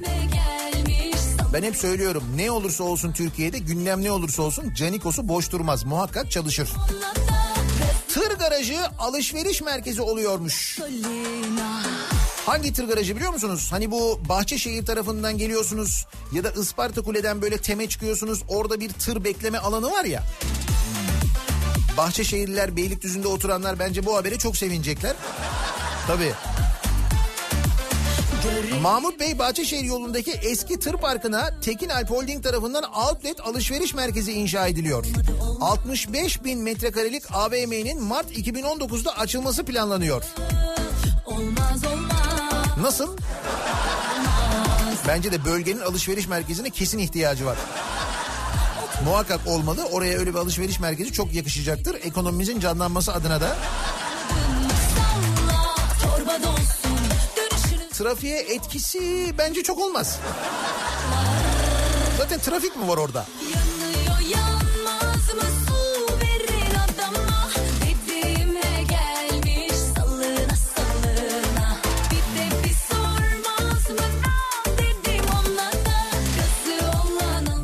yerli üretim logosu vardı. Hatırladınız mı yerli üretim logosunu? Gerçi bu o logo da bir tuhaf bir logo yani. Ben o logoya da anlam veremiyorum. Orada bir şimdi bir el var. O el bir şeyi tutuyor ama. Ne ne o? Yani ne manaya geliyor? Oradaki şey ne? Mesaj ne? Gördünüz değil mi o yerli üretim logosunu? Yani bir el başka bir eli tutuyor diyeceğim. Çok neyse. Belki de subliminal bir mesaj var orada bilemiyorum. Yalnız bu yerli üretim logosu ile ilgili anlam veremediğimiz bir şey var. Dinleyicilerimizden çok mesaj geliyor bu konuyla alakalı. Diyor ki Sertaç göz göre göre kekliyorlar. İthal muzu yerli üretim diye yerleştiriyorlar. Dolayısıyla McKinsey nedir ki? Şöyle bir etiket var. Muz ithal kilogram yazıyor. 11.90 bir etiket böyle muz ithal ithal muz yani kilosu 11.90 buraya kadar normal. Yalnız köşesinde yerli üretim logosu var. İthal muzun köşesinde yerli üretim logosu var. İthal muz ama. Yani mesela Türkiye'de ürettik, yurt dışına gönderdik, sonra mı ithal ettik? Ama bizim muz değil belli yerli muz. Anamur muzuna benzemiyor yani.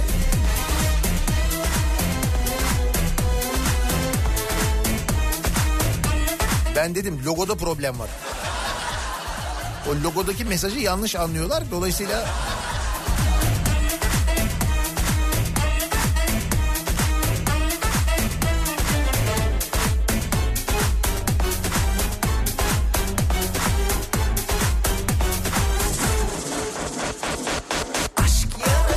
Yastık altındaki dolar ve altınlarını bozdurmayarak kıymetli hükümetimizi zor durumda bırakan işçi, memur ve emeklilere anlam veremiyorum. Evet, çok kampanya yaptık bu yastık altındaki altınlar çıksın diye ama çok azı çıkmış ya. Ya da yoksa öyle bir altın mı yok acaba?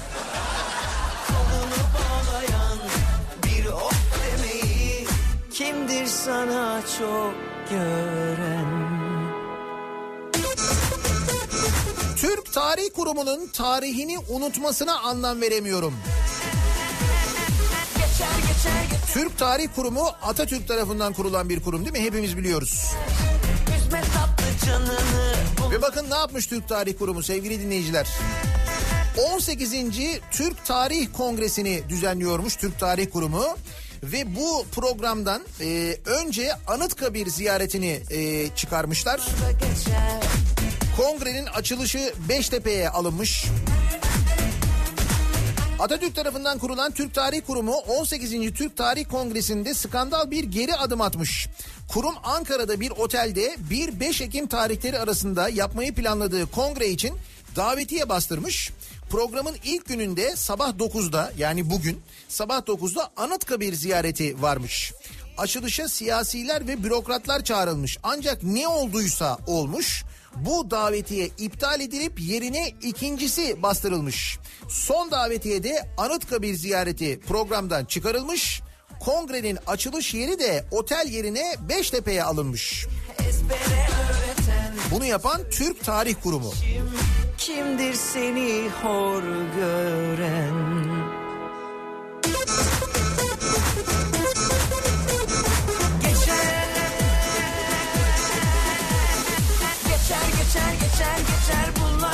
Geçer Bunlar da geçer Üzme tatlı canını bunlar da geçer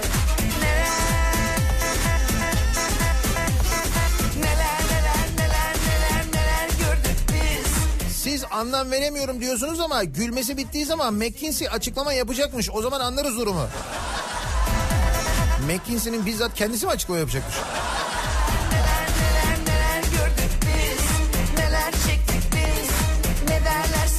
Desinler Bunlar da geçer Bunlar da geçer Bunlar da geçer Hayata bakışımız da böyle. Af çıktı mı şemsiye ile Nirvana'ya ulaşırız artık. Ben de bu affa anlam veremiyorum diyor. Valla afla ilgili sözlerinize bence dikkat ediniz. Çünkü Devlet Bahçeli konuyla ilgili yorum yapanlara, eleştiride bulunanlara dur ne demiş bir daha okuyayım ben onun sözüyle okuyayım yanlış söylemeyeyim. Utanmaz gerzekler demiş. Evet. Geldik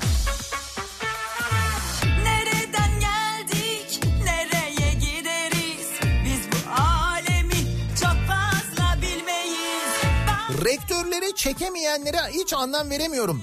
Ne yapsaydı yani üniversitesi dururken oğlunu Papatya 2 düğün salonunda mı evlendirseydi? Kimmiş bu?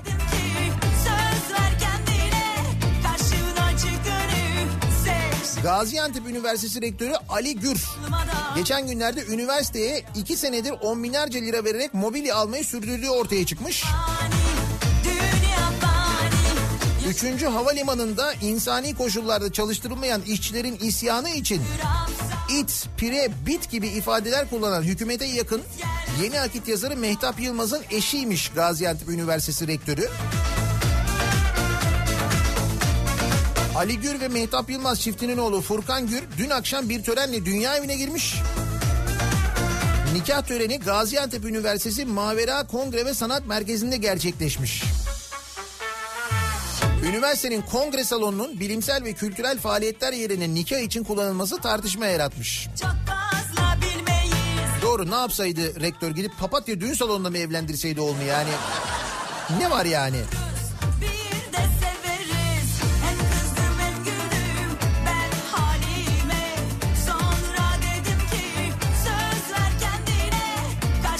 Acaba tarımı da Hollandalı bir şirkete mi versek diye soruyor Erhan.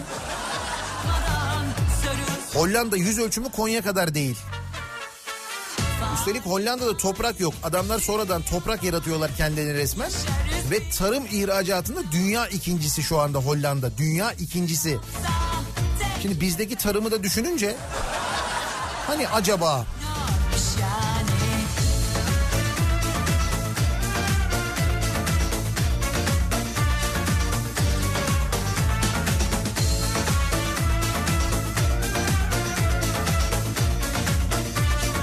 çamaşır makinesine çorap atınca bir tekinin kaybolmasına anlam veremiyorum. Bu da bilim adamlarının hala çözemediği enteresan bir durum. Zannediyorum o kurutma sırasındaki oluşan kara delik zamanda geriye mi götürüyor ne yapıyor onu? Öyle bir şey oluyor herhalde.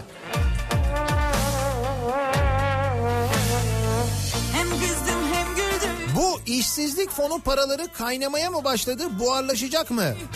Bir şeyler oluyor galiba ama anlam veremiyorum. Sev şu dünyada 3 kamu bankasının tahvil satışı işsizlik fonuna yapıldı iddiası. Bizim işsizlik fonu paraları Yok canım.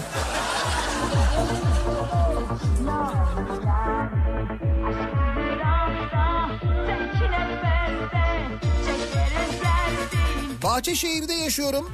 Yemin ederim tır parkının alışveriş merkezi yapılacağı aklıma gelmişti. Öyle bir kazdılar ki park olmadığı belliydi. Park mı?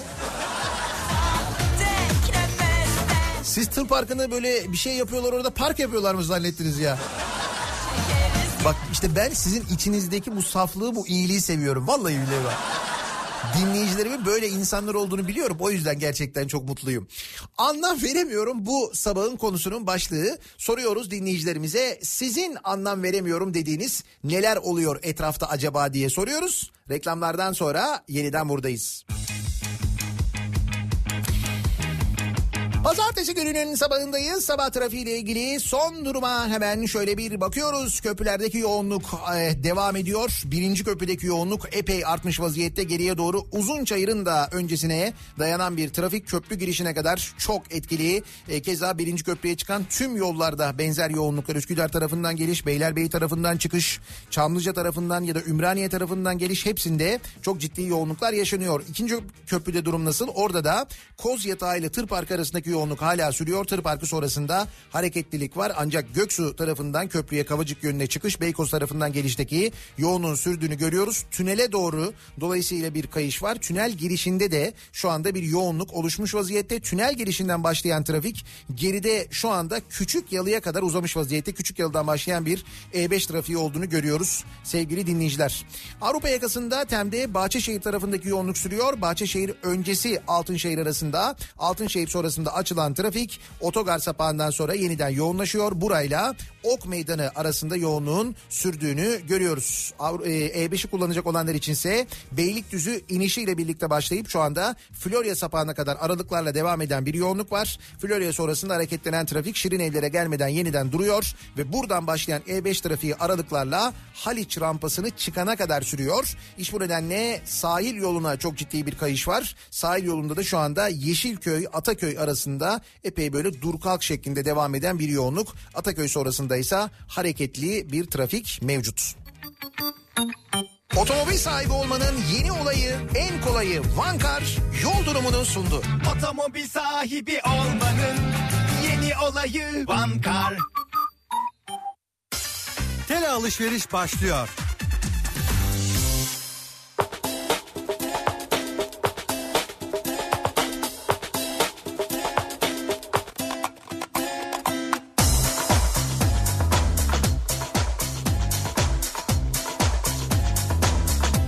Uzanmışım kumsala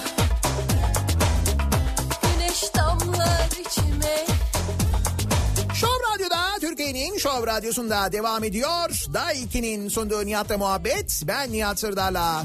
1 Ekim pazartesi gününün sabahındayız. Yeni haftaya, yeni aya başlarken bu haftanın sonunda Şov Radyo macerasını bitiriyoruz. Son 5 yayınımız Cuma günü sabah ve akşam son yayınlarımızı yapıyor. Sonra da Şov Radyo'dan ayrılıyoruz. Ardından da pek yakında yeni bir frekansta yeniden buluşuyoruz elbette.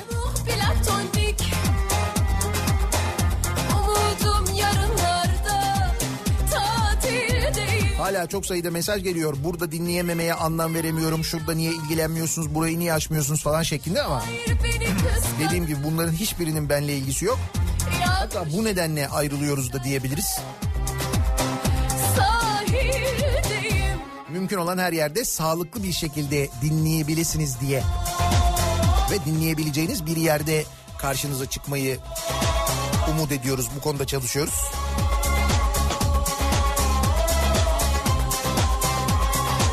Sürekli değişen gündemimiz nereye koşuyor? Dün öyle, bugün böyle. Yarın ne olacak? Anlam veremiyorum. Evet hakikaten artık çok deneyimli olduğumuz halde gündem değişmesi konusunda biz bile böyle düşünüyorsak Türkiye'de yaşayanlar olarak yurt dışından takip eden birileri varsa kafayı yiyorlardır herhalde.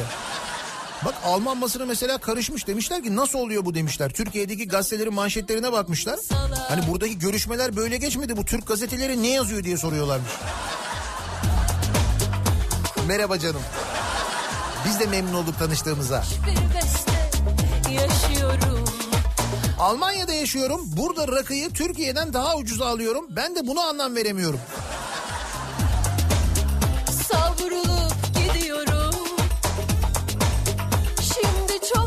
McKinsey'e danışmanlık bedeli olarak 40 milyon dolar ödeyecekmişiz. Ama cebimizden değil, örtülü ödenekten. Ha o zaman tamam. Atomik. 40 milyon dolar öyle miymiş? Peşin ödeme indirimi ya da belki de taksit yapabiliyormuş karta acaba. Öyle bir şey olabilir mi?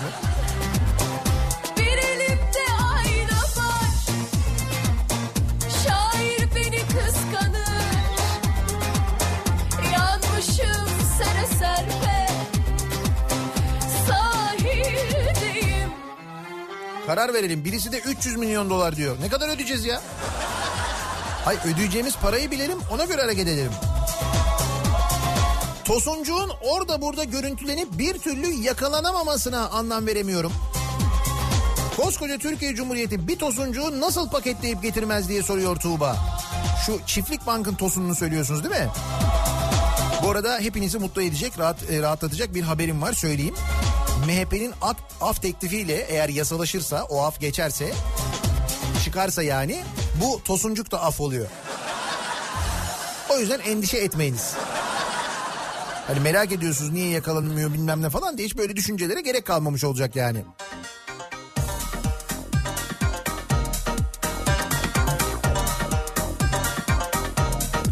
Yıl olmuş 2018 hala zam haberi yapan haber siteleri var. Çok ayıp anlam veremiyorum. Evet evet bazı yerlerde yazıyor doğalgaza yüzde yirmi zam İstanbul'da elektriğe yüzde dokuz zam falan diye böyle hiç ders almıyorlar.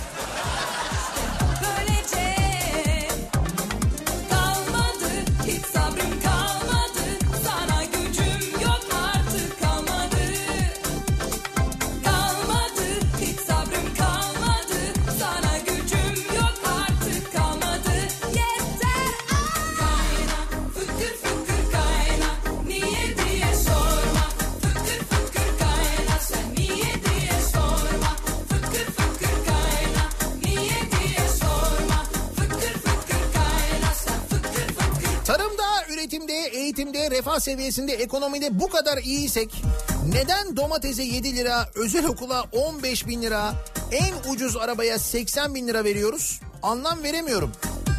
Ayrıca maaşım da gitgide eriyor buna da anlam veremiyorum. Demek ki matematikle ilgili problem var orada. Herhalde.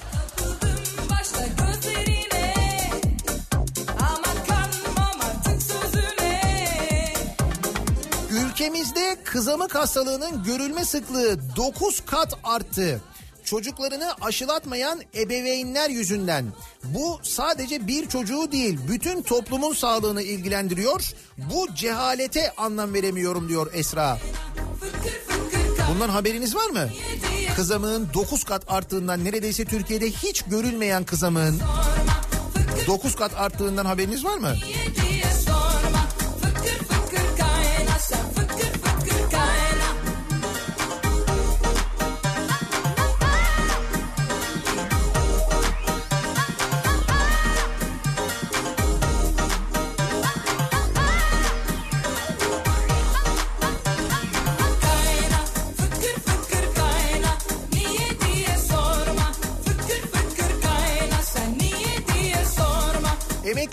yaşa takılanlar olarak neden biz sesimizi duyuramıyoruz anlam veremiyorum.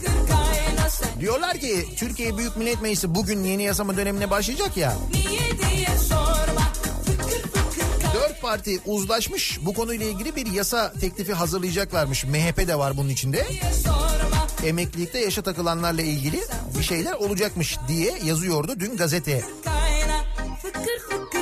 Bakalım öyle olacak mı gerçekten de. Bizim ekonominin bu durumda olmasına sebep Amerika ve Almanya değilmiş. Buna yeni bir ülke bulamadığımıza anlam veremiyorum. İngiltere? Ama yok onlarla da iyiyiz. Olmamız lazım en azından. Buluruz bir şey ya. Mısır olabilir bak. Olur olur Mısır olur Kıbrıs Rum kesimi olur öyle bir şey olur yani.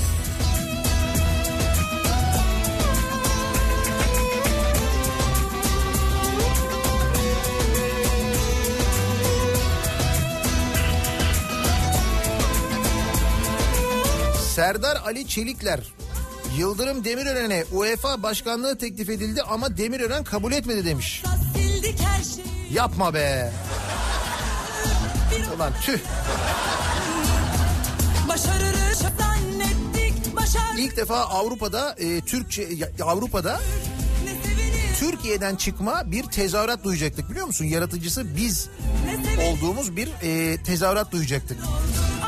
Tamam, İngilizce olacaktı ama olsun. Enough Yıldırım Demirören enough diye.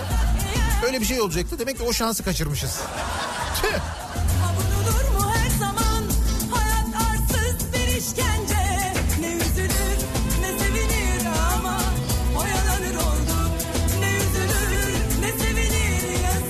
Yurt içinde doğalgaza fiyat ayarlaması yapılmış. Bunu yerel basın haberleştirmiyorken Reuters'e ne oluyor?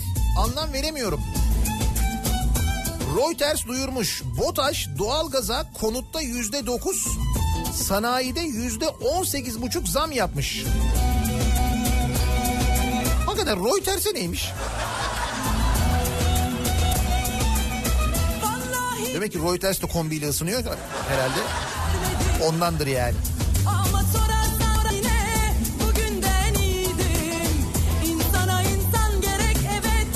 Geç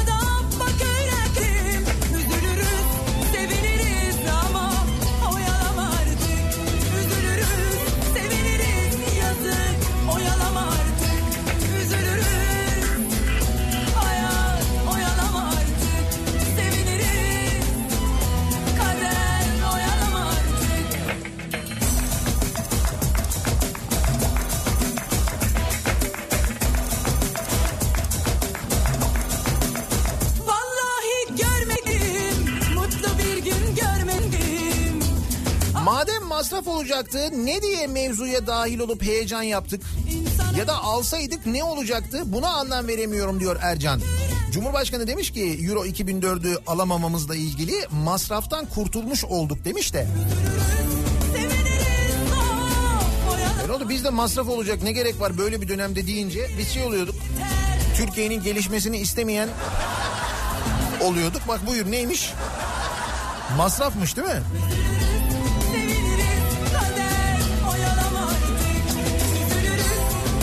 Saatlerin mevsime uydurulmasının elektrik firmasının gelirinden daha önemsiz olmasına anlam veremiyorum.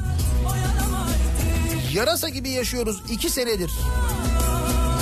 Dur bakalım eee, bu sefer ne olacak? Saatler geri alınacak mı alınmayacak mı? Bence alınmayacak yine de.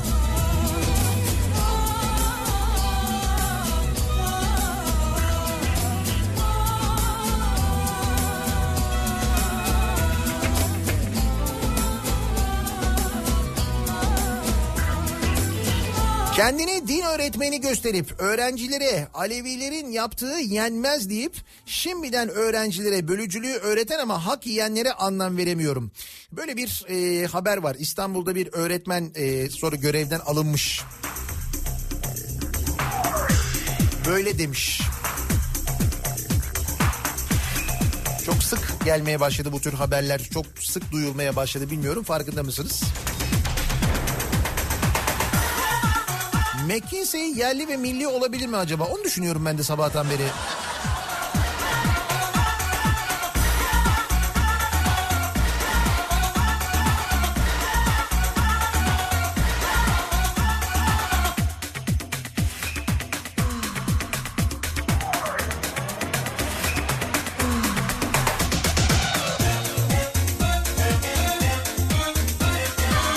...30 dakika önce maaşımı çektim diyor Taha. Cebimde bir tomar para. Saat 8.34 cebimde 100 lira kaldı. Ben zaten Nereye gitti bu paracıklar anlam veremiyorum. Ve tarih 1 Ekim değil mi? Şikayetler mangaldan taştı güller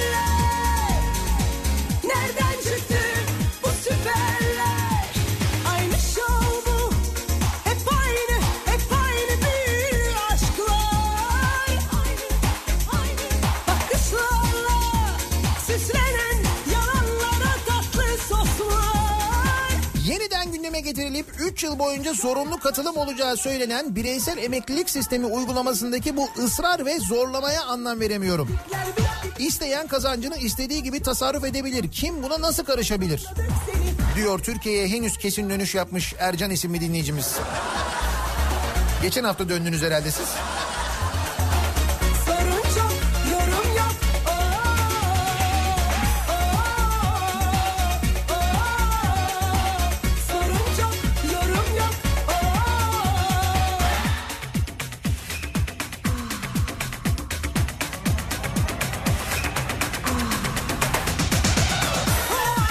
Elektriğe, su ve doğalgaza zam yapan dış güçlere anlam veremiyorum.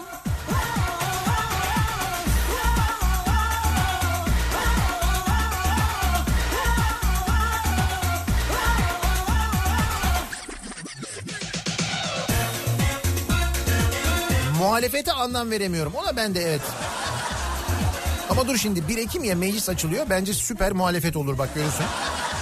Olur yani. Sevgimi ben zaten bir hoştum. Oynattın dengemi. Cuma günü İzmir'e geliyoruz. Show Radyo'da son yayınları İzmir'de yapacağız. İzmir'de veda edeceğiz. Onu söyleyelim. Nereden çıktı? 5 Ekim Cuma akşamı, bu Cuma akşamı. Hatta son yayın Bostanlı'da olacak. Suat Taşer sahnesinden yayınımızı yapacağız. Yayını yaptıktan sonra da sahneye çıkacağız zaten. Cuma akşamı İzmir'e geliyoruz. Bütün Kazlar Toprağı'ndaki isimli gösterimizi İzmir'de sahneleyeceğiz. İzmirlilerle buluşacağız.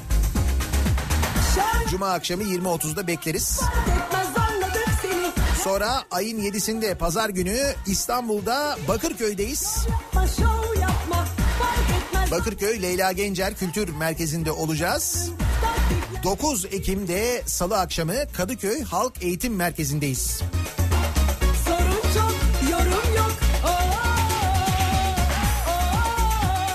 Anlam verememeyi bir kenara bırakıp en azından bir iki saat nefes alalım diye. Biletler Bilet X'te satışta. Ee, Suat Taşer e, gişesinden, Leyla Gencer gişesinden ve Kadıköy Halk Eğitim Merkezi gişesinden de temin edebilirsiniz. Şov yapma, yapma. Fark etmez. Nemalanmaya çalışanlara anlam veremiyorum. Tipler 6.80'den dolar bozduran Bahçeli Türkiye ekonomik türbülansta şiddetle sallanırken nemalanmaya çalışan meşrebi bozuklar mutlaka afişe edilmeli demiş. MHP 6.80'den dolar bozdurunca MHP'nin de parasının dolarda olduğunu öğrenmiştik biz değil mi? Bir de 6.80'den mi bozdurulmuştu o zaman? İyiymiş.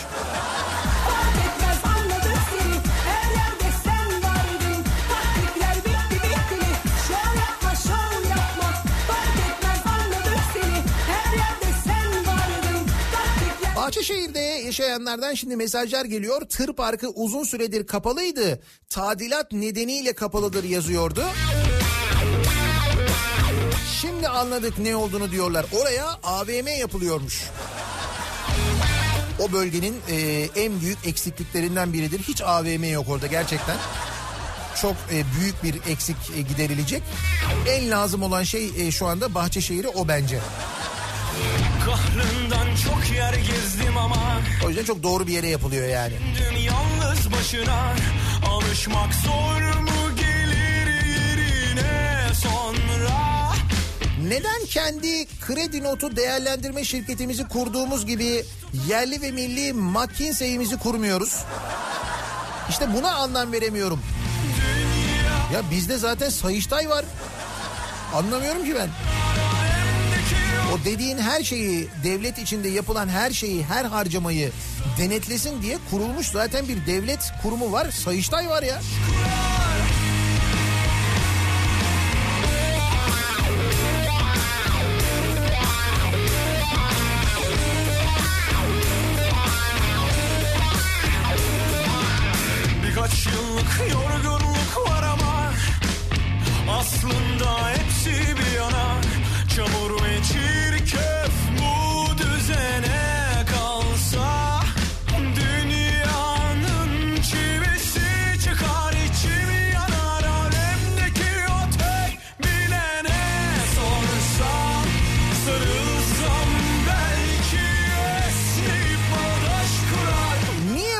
Zam yapıyorlar anlam veremiyorum.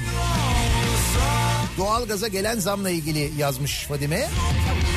Doğalgaza konutta yüzde dokuz, Sanayide yüzde on sekiz buçuk zam geldi. Bu BOTAŞ'ın yaptığı zam. Bugünden itibaren İGDAŞ İstanbul'da konutlardaki doğalgaza yüzde yirmi civarında yeni e, zamla yeni tarifeyi uygulamaya başladı.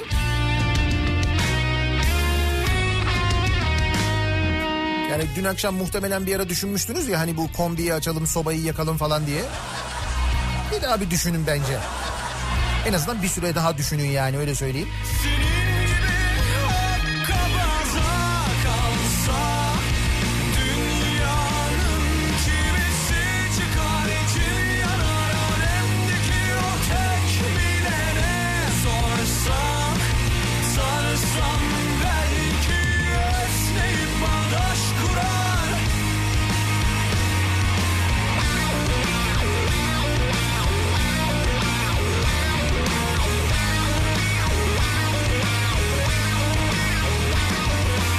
Muhalefetin yeri yerinden oynatacak aşırı tepkisine anlam veremiyorum. Kılıçdaroğlu'ndan McKinsey tepkisi. Yesinler sizin yerliliğinizi, milliyetçiliğinizi demiş. Öyleymiş. Çok sert bir tepki olmuş bence. Bir ara verelim. Reklamların ardından yeniden buradayız.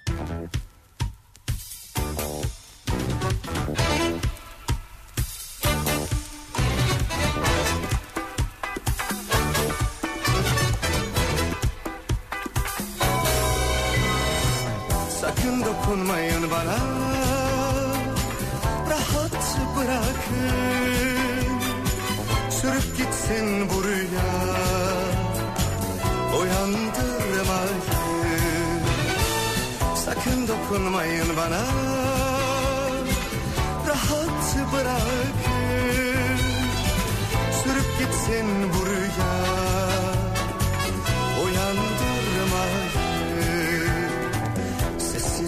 Sessizce yürüdüm geçtim Dar bir kapıda Yemyeşil bir ovada Buldum kendimi.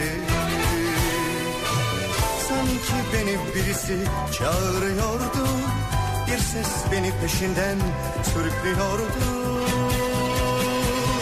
Karşımda gülümseyen gözlerinle sen Evet sendin sevgilim Bana gel diyen Sakın dokunmayın bana. Rahat bırakın Sürüp gitsin bu Uyandırmayın Sakın dokunmayın bana. Rahat bırakın Sürüp gitsin bu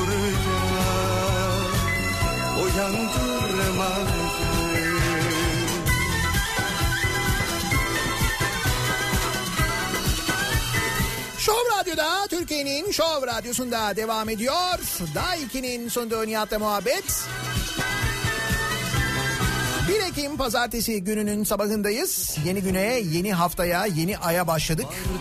Elin Sağlam zamlarla başladık onu söyleyeyim. En güzel gülüşünle BOTAŞ doğalgaza konutta yüzde dokuz, sanayide yüzde on sekiz buçuk zam yapmış. Bugünden itibaren elektrikte yeni tarifeye geçiliyor, zamlı tarifeye geçiliyor. Başladı birden Bir çift beyaz güvercin oldu Ama maşallahımız var bir şeyimiz yok. İyiyiz yani. Maviliklere Varsın çalsın bütün sazlar Yayınımızın sonuna geliyoruz, veda ediyoruz. Bu akşam 18 haberlerinden sonra eve dönüş yolunda yeniden bu mikrofondayım. Sivrisinek'le birlikte sizlere dönüş yolunda eşlik etmek üzere. Sakın Güzel bir gün, güzel bir hafta geçirmenizi diliyorum. Hoşçakalın. Uyandırmayın Varsın çalsın bütün sazlar. Sakın susturmayın Sürüp gitsin bu